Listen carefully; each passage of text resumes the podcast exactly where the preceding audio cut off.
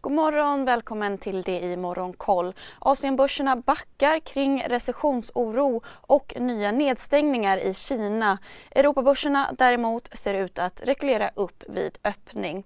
Börserna föll igår efter nya signaler om en recession då USA-räntorna inverterade än en gång. Den amerikanska tvååringen noteras fortsatt något högre än tioåringen som står i 2,83 procent.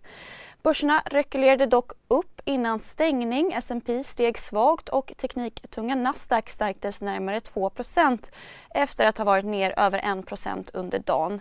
Vidare sänkte oron för minskad efterfrågan oljepriset som rasade 10% Nu under morgonen stiger priset något och ett fat Brent handlas för 104 dollar. I Asien faller Tokyobörsen och samtliga ledande index i Kina ner mellan 1 och en halv, en och en halv procent. Shanghai inför återigen masstestning i nio distrikt efter nya fall av covid-19 de två senaste dagarna, rapporterar Bloomberg. Vidare stängs mångmiljonstaden Xi'an där Samsung har en stor chipfabrik eh, ner i en vecka efter nya covidfall.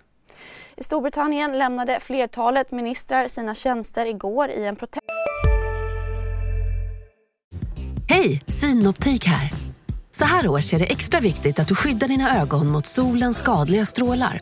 Därför får du just nu 50% på ett par solglasögon i din styrka när du köper glasögon hos oss på Synoptik. Boka tid och läs mer på synoptik.se. Välkommen! mot premiärministern Boris Johnson. Bland annat hälsominister och finansministern Rishi Sunak avgår ministern meddelade igår att han väntas sitta kvar och nya ministrar har redan utsetts. Så till Sverige där fastighetsbolaget Platser förbättrade förvaltningsresultatet och hyresintäkterna något i det andra kvartalet. Vidare steg hushållens konsumtion 0,7% i maj jämfört med i april samtidigt som industriorder sjönk 5,5% Det enligt statistik från SCB. Och orderingången på tunga lastbilar i Nordamerika som är en av Volvos viktigaste marknader steg preliminärt i juni enligt ACT, det trots osäkerheterna på marknaden.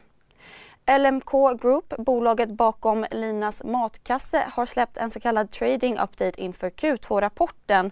Omsättningen i kvartalet minskar med drygt 100 miljoner kronor till 267 miljoner kronor. Idag handlas det för detta oljebolaget Lundin Energy under sitt nya namn Orren Energy efter att ha sålt av sina olje och gastillgångar. Missa inte heller Börsmorgon som vanligt med start 8.45.